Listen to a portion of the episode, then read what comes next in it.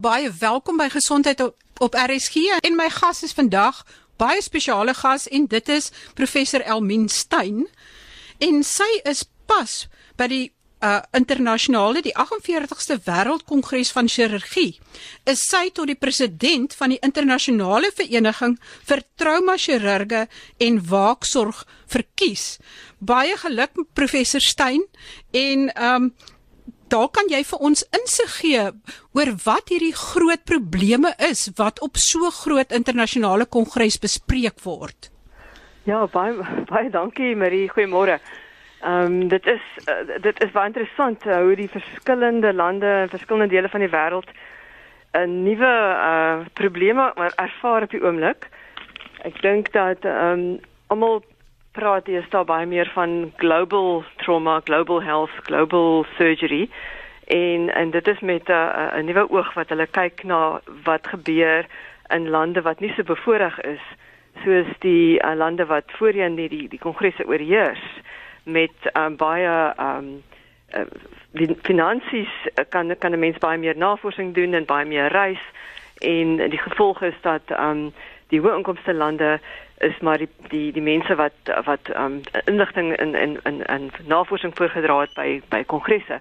En deesdae is daar 'n groter klem op wat gebeur in die res van die wêreld en in die laer en die middelinkomste lande waar mense nie so baie um fondse het om om navorsing te doen en te reis en so aan nie. En die gevolg is dat mense ook kyk wat is hulle probleme. En die die ironie is dat waar daar vroeër omtrent nooit steek en skietwonde gevind is in sekere Noord-Europese lande nie, het dit verander. En die die ehm um, die migrasie van groot populasies van mense in Europa in ehm um, die veranderinge in populasie inhoud van van groot lande het het het verander, het veroorsaak dat daar meer geweld, meer kriminele aktiwiteite en meer van die wonde wat ons baie sien gebeur nou ook in ander lande. So dis een van die interessante dinge wat 'n mens gesien het. Ehm um, die So ander, met ander woorde mens kan nêrens van dit ontsnap nie. Wel, dis die ironie, maar waar waar ons is nou die experts in in daai tipe van beserings, ehm um, moet hulle nou by ons leer. So hulle hulle wil graag by ons leer en hulle stuur ook baie van hulle dokters na ons toe om te om te leer hoe om om om daai pasiënte se lewens te red. Maar daar's daar's ook baie ander um, nuwe ontwikkelinge en in strominge wat 'n mens kan identifiseer. Goed, vertel vir my meer van daai ander ontwikkelings en dan kom ons terug na wat ons trauma dokters dan so spesiaal maak. ja, die die ander dinge wat wat ek besonder interessant gevind het is dat mense is meer bewus van die die vir, vir uh die veranderinge in in in patrone van beserings wat gepaard gaan met byvoorbeeld klimaatsverandering.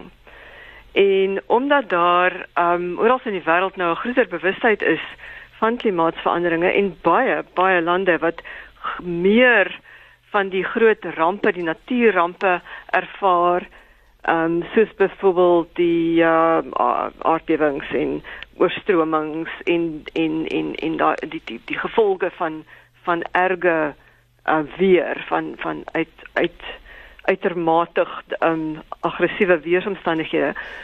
Maar nie net dit nie, die gevolge van droogte en en watertekorte het ook 'n um, effek op op beserings want um, mense verskuif mense moet uh, mense het nie kos nie en hulle kan nie hulle ekonomieë in in daai omgewings waar daar droogte is kan nie onderhou word nie so so groot populasies van mense skuif na ander dele van die van die kontinent of na 'n ander kontinent.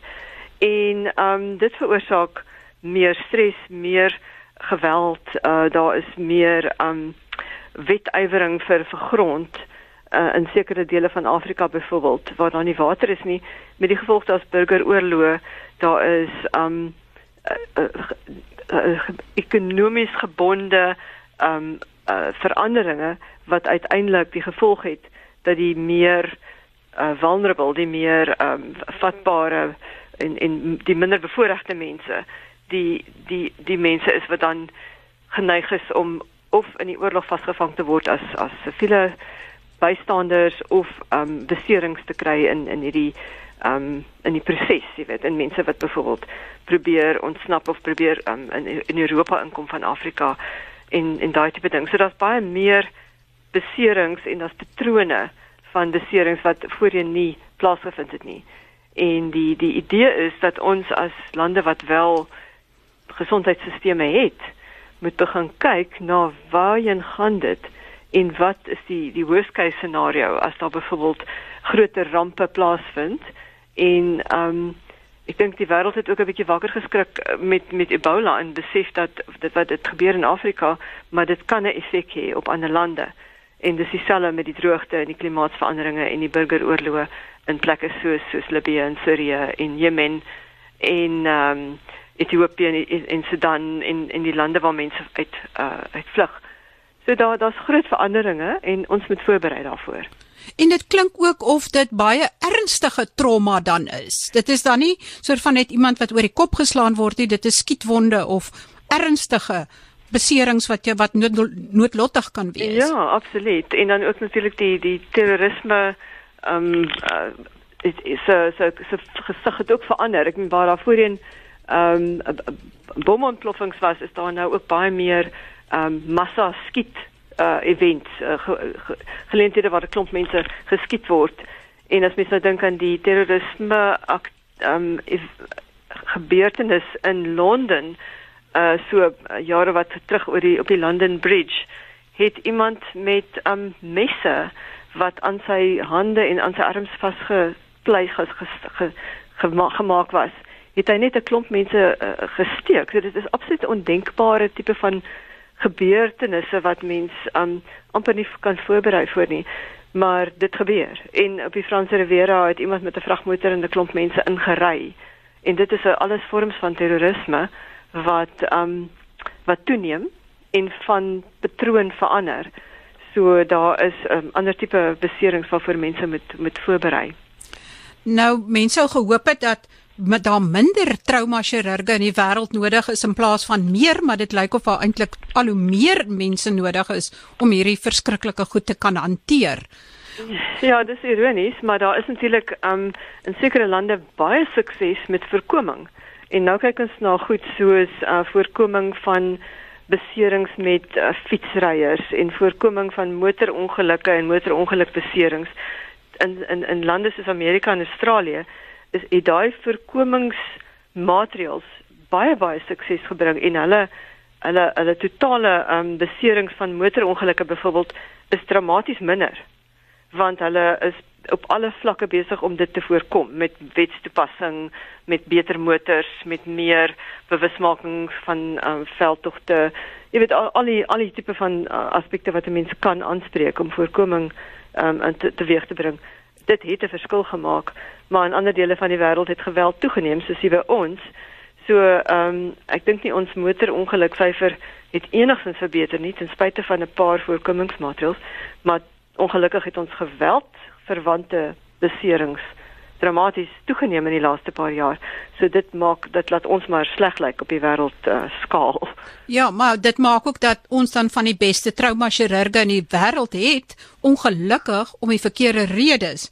Maar kom ons kom kyk dan na die situasie in Suid-Afrika en ons gebruik dan maar Wes-Kaap as 'n voorbeeld bloot omdat jy ook 'n professor in chirurgie by die Universiteit van Stellenbosch is en by Tygerberg Hospitaal betrokke is en dis ook eerstehands daai trauma ladings ervaar. Ehm um, ek moes in Desember berig het ek uh, uh, geskryf oor hoe die ambulanse letterlik omtrent 'n kilometer buite die hospitaal opgehoop staan en wag want hulle daar's nie meer plek in die hospitaal om die pasiënte af te laai. Die pasiënte lê in op beddens en gange en daar's nie meer teaters nie en dit is 'n groot blokkade. So ons weet dat dit 'n groot probleem is, nie net in Wes-Kaap nie, maar ook in ander hospitale in die land. Gee vir ons 'n bietjie meer insig van daai ladings en wat 'n trauma chirurg moet doen en hoekom die skietwonde en die goed so baie teatertyd en geld opslurp.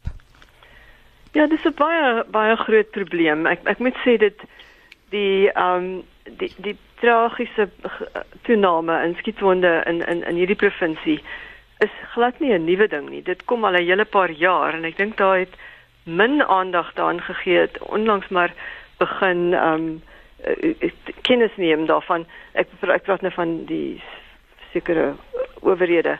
Maar ongelukkig is die die skietwonde wat ons sien is is verwant aan aan um gang uh, aktiwiteite en bende geweld. En dit het 'n baie baie sterk verwantskap met die ekonomie maar dit het ook natuurlik uh, te doen met die manier wat mense grootmaak en groot geword het in gewelddadige gemeenskappe sonder um sonder 'n pa in die huis. Meer as 60% van van kinders word deesdae groot sonder 'n pa in die huis. En dit het 'n groot effek op hulle gedragspatrone later.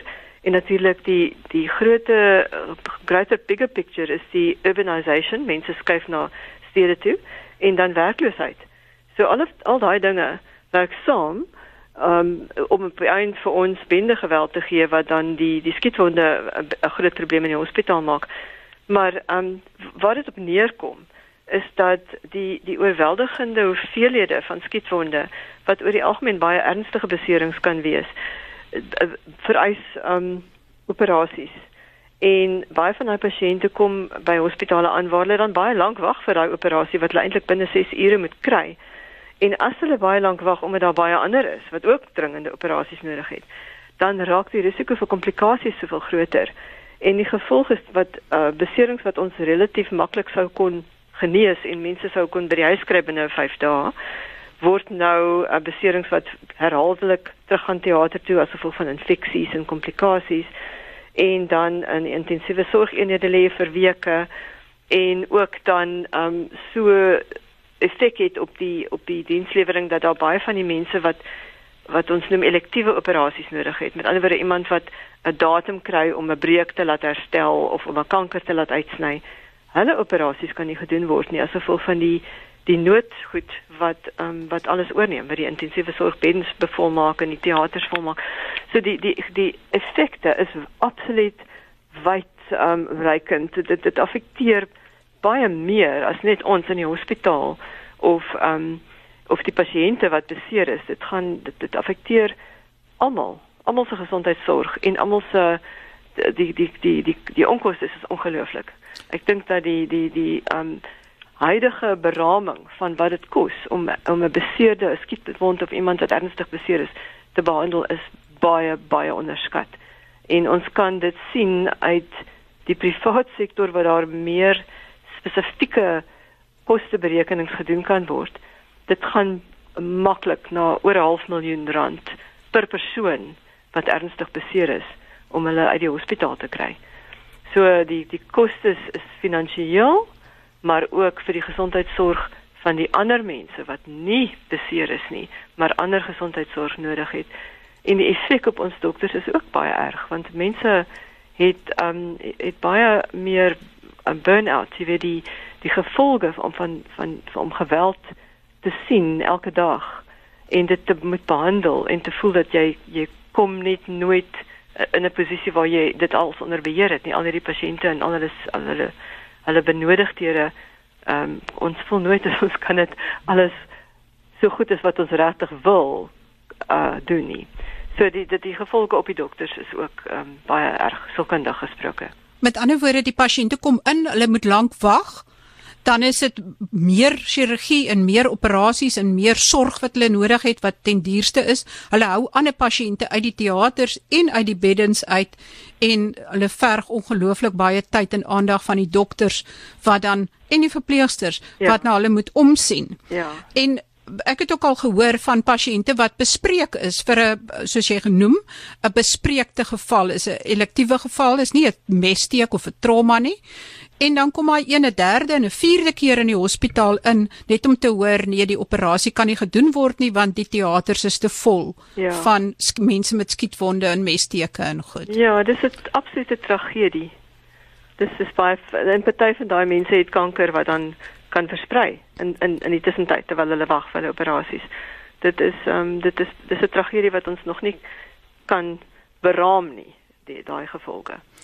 Uh professor Stein, ek het ook in 'n verslag wat ek onder oë gehad het gesien dat daar eintlik maar 'n effense 'n 'n wanbalans is tussen Grote Skuur en Tygerberg en die syfers wat ek gesien het, lyk min of meer dat Tygerberg eintlik dubbel die hoeveelheid trauma gevalle hanteer as Grote Skuur Hospitaal met die helfte van die aantal personeel, die helfte van die dokters, so hulle doen eintlik 4 tot 5 keer werk hulle harder as groot skuur se span. Hoe hoe dit hoe dit gebeur? Wel, ja, dit is moeilik om om presiese nommers te vergelyk. En daar is 'n paar dingetjies wat wat wat verskil. Maar dit is waar, ek dink tradisioneel is daar uh meer um poste gewees by Grote Skuur en dit is nou maar oor die jare wat dit so gekom het. En uh uit die aard van die saak is Tygerberg in 'n in 'n area geleë waar daar geweldig baie um lae sosio-ekonomiese behuising is met baie arme mense en al die gevolge daarvan wat wat lei tot meer beserings en meer ook um meer ongelukkig meer bende geweld. So so ons het 'n groot probleem en ek dink dat daar is um tradisioneel uit die die die befondsing van die twee stelsels die dit dit dit dit iewers in die verlede so gebeur. En die die verandering in die tendense en in die nommers van van pasiënte wat wat wat sorg nodig het het nie die uh die poste probleem ehm um, dis dis nog nie aangespreek nie en dit dit is ook iets waaroor ons um, graag praat en waar waar ons al bietjie ehm um, vergaderings gehou het en ek probeer ons probeer maar die die kollig daarop skyn maar daar's geen rede dat ons voel dat ons kollegas te groot skuur benadeel moet word nie. Hulle doen baie goeie werk en hulle het al die al, al die uh, resources nodig wat hulle het, maar ons het beslis meer nodig. Ja, nee, klink klink of julle omtrent 4 maal meer nodig het as wat julle tans het en dit is ook interessant dat die dat daar dalk ook gekyk kan word na die dreineringsareas van pasiënte wat na Grote Skuur toe gaan en dalk die las op uh op die Tygerberg Hospitaal kan verlig. Wel dit is dis 'n komplekse situasie. Maar eerstens moet ek sê dat ons het in die laaste paar maande wel 'n hele paar um verbeterings gekry in in in die situasie by Tygerberg. Ons het ekstra poste gekry. Ons het beslis um baie baie waardering vir ekstra teatertyd wat hulle vir ons kon uh, kon uh, skep en dit het 'n verskil gemaak, verseker maar dit is is, is baie dinge is maar net nog nie genoeg nie. Ehm um, maar ek dink daar is 'n daar is definitief 'n bereidwilligheid veral by Tygerberg Hospitaal om ons um, om om ons probleme op te los of beter te maak. Die verwysingsareas ja, daar kan iets aangedoen word, maar ek dink die grootste enkele faktor wat sal verskil maak is om die die um, sekondêre hospitale in die omgewing um, te bemagtig. So daar is sekondêre hospitale wat wat pasiënte kan ontvang en baie gevalle sal kan hanteer. Maar hulle het byvoorbeeld nie 24 ure 'n dag ehm um, 'n CAT scan fasiliteite nie. Hulle het byvoorbeeld nie 'n uh, hoë sorgbeddens uh, nie. Hulle het ook nie genoeg verpleegpersoneel of narkotiseers vir teaters in die nag nie. So daar's daar is sulke aspekte wat wat verbeter kan word en dan wat 'n groot verskil gaan maak aan die hele stelsel. Sjoe, uh professor Steyn en dan wil ek vra, jy was nou onlangs in uh, na Krakou, was jy ook in Londen en jy's daarso ook gehelp met uh, is dit met die opleiding van trauma chirurge? Ja, hulle het 'n baie uh, oulike program by die um die London uh, London University by uh, St Bartholomew's Hospitaal. Dit is 'n 'n MSc in trauma science en dit is vir dokters en mense van ander paramediese um um spesialiteite soos die uh, verpleegkundiges en paramedics, hulle kan 'n meestersgraad doen en hulle word hulle kry baie breë opleiding in in alle aspekte van trauma, van ramphantering tot voorkoming tot um noodbehandelings uh, tot traumasisteme tot uh, noodvlugte, al daai tipe van dinge en en hulle nooi elke jaar 'n klomp um mense van oral oor die wêreld om lesings te gee en ek was al 'n paar keer bevoorreg om genooi te word. En ja, dit is altyd 'n goeie ervaring om met mense van oral oor die wêreld te praat oor wat hulle probleme is en wat hulle hulle insigte is daaroor. Maar baie geluk. Ons is baie trots op die professor wat dan so genooi word. Dankie. Uh, uh, uh professor Stein, dan wil ek gou hoor. Nurse Nettie het onlangs op 'n uh, Amorey se program Alu Becker vertel van haar ramkat wat per ongeluk in die hondehok beland het. En toe het hy vreeslik opgepof en wat hulle toe gedink het wat gebeur het is dat die honde het die kat gebyt en miskien 'n rib gebreek en die rib het deur die long gesteek en die long het plat geval en toe pof hy op.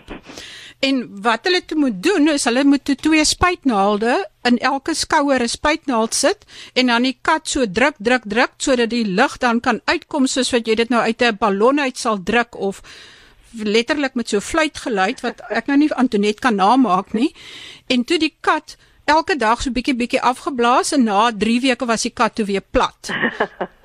nou, mens kan dit met mense doen nie, maar die toestand uh, dit is waarskynlik uh, iets te doen met 'n pneumothorax, ons noem dit 'n pneumothorax en dit is waar, dis lug wat lek uit die long uit en in in diere kan dit dan onder die vel soos 'n groot ballon uh versamel.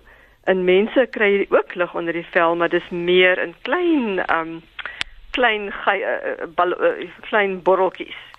So in mense kan jy ongelukkig nie 'n paar naalde insteek en dink dit gaan afblaas nie, maar ons moet 'n baie groot pyp in die long in die longholte insit.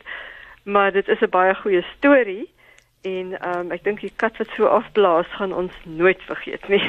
Ja, so wat doen julle? Sit julle tussen die ribbes deur, maak julle 'n gaatjie en julle ja. drukke groot ja. pyp daarin sodat die interkostale drein, ja. Ja, sodat die lug dan kan uitloop deur die pyp Ja, maar dis lug wat in die in die borskasholte is, nie lug wat onder die vel is nie. Ja, in die borskasholte en dan soos dat die holte dan die lug uit die holte uitgaan, gaan die long weer self op te blaas. So sal die long weer uitsit, ja. Ja, soos negatiewe druk wat dan gebeur. Ehm um, professor Stein, jy's ook betrokke by nieroorplantings. En dit is nou in Augustus is dit orgaanoorplantingsweek. Is daar 'n spesifieke boodskap of iets wat jy graag wil oordra aan ons luisteraars oor orgaanoorplanting en orgaanskenking? Ai, dankie Marie, dis maar altyd dieselfde boodskap, nê. Nee. Dit is maar net die bewustheid dat ehm um, daar is altyd 'n geweldige tekort aan organe en ons weet dat ongelukkig in ons land is daar mense wat onverwags tot sterwe kom van motorongelukke en sulke tipe beserings, breinbeserings dikwels en dat daai persone sou hulle in die hospitaal beland en dan breindood verklaar word is ideale orgaanskenkers en kan baie baie lewens red. En dit is 'n tragiese situasie sou so iets gebeur maar ons as medisy het die verantwoordelikheid om die publiek te herinner daaraan dat sou iemand tot sterwe kom op so 'n manier dat die organe nog bruikbaar is, dat hulle moet asseblief daaraan dink om um orgaanskenkers te wees. Dit word ons moet almal daaraan dink voor ons iets oorkom en sou dit gebeur dat ons familie kan weet dat dit is wat ons wil wil hê, dat ons wel or, ons organe sal skenk. Ja, want ek verstaan dat daar tussen 4 en 5000 mense is wat eintlik elke jaar wag op 'n uh, skenkerorgaan, maar da, maar dat daar skaars 400 tot 500 oorplantings per jaar gedoen word. Ja, dis eintlik as jy dink aan orgaanoorplantings nog minder en baie mense wat wag sal doodgaan terwyl hulle wag. So uh, en baie mense wat the teoreties kon baat by 'n oorplanting word nooit eers op die waglys gesit nie want almal weet daar is net nie genoeg ehm um, daar is net nie genoeg mediese fasiliteite om hulle aan die gang te hou tot tyd en wyl daai orgaan sal kom nie. Is dit hoekom julle ook al hoe meer orgaanoorplantings doen en ek dink spesifiek aan nier want mens kan iemand se hart uithaal en dan bly hy leef nie maar dat iemand een van sy niere skenk aan 'n familielid ja, of of so. Ja, die meerderheid van die nieroorplantings wat ons steeds doen is is tussen familielede. Daar is net 'n totale tekort aan aan kadaver oorledene skenkers. So uh, ons uh, ons is maar net dankbaar as die familie kan skenk of vriende of selfs ehm um, ja, dit is dikwels is dit nie eers familie nie, maar dit is mense wat wat bereid is om iemand anders te help. Ehm um, dis dis dit is so daar's wonderlike mense wat sulke goed nog doen. Barmhartige Samaritane. Dis reg. Baie baie dankie professor Stein en nogmaals geluk met jou verkiesing tot president van hierdie belangrike trauma vereniging. Baie dankie. En sterkte met julle werk met die trauma chirurgie en die groot oorladings wat julle moet hanteer. Reg, baie dankie. Dankie professor Stein. Uh luister gerus volgende week weer na gesondheid op RSG. Daar's baie interessante programme wat wag. Ek gaan byvoorbeeld een of ander tyd gesels oor brandwonde, wat is die nuutste behandelings daarvan? En daar's nog verskeie ander wat ek nou nog nie die uh op die mou gaan laat nie. Maar baie groete van my. Ons gesels volgende week weer. Groete van my, Marie Hudson.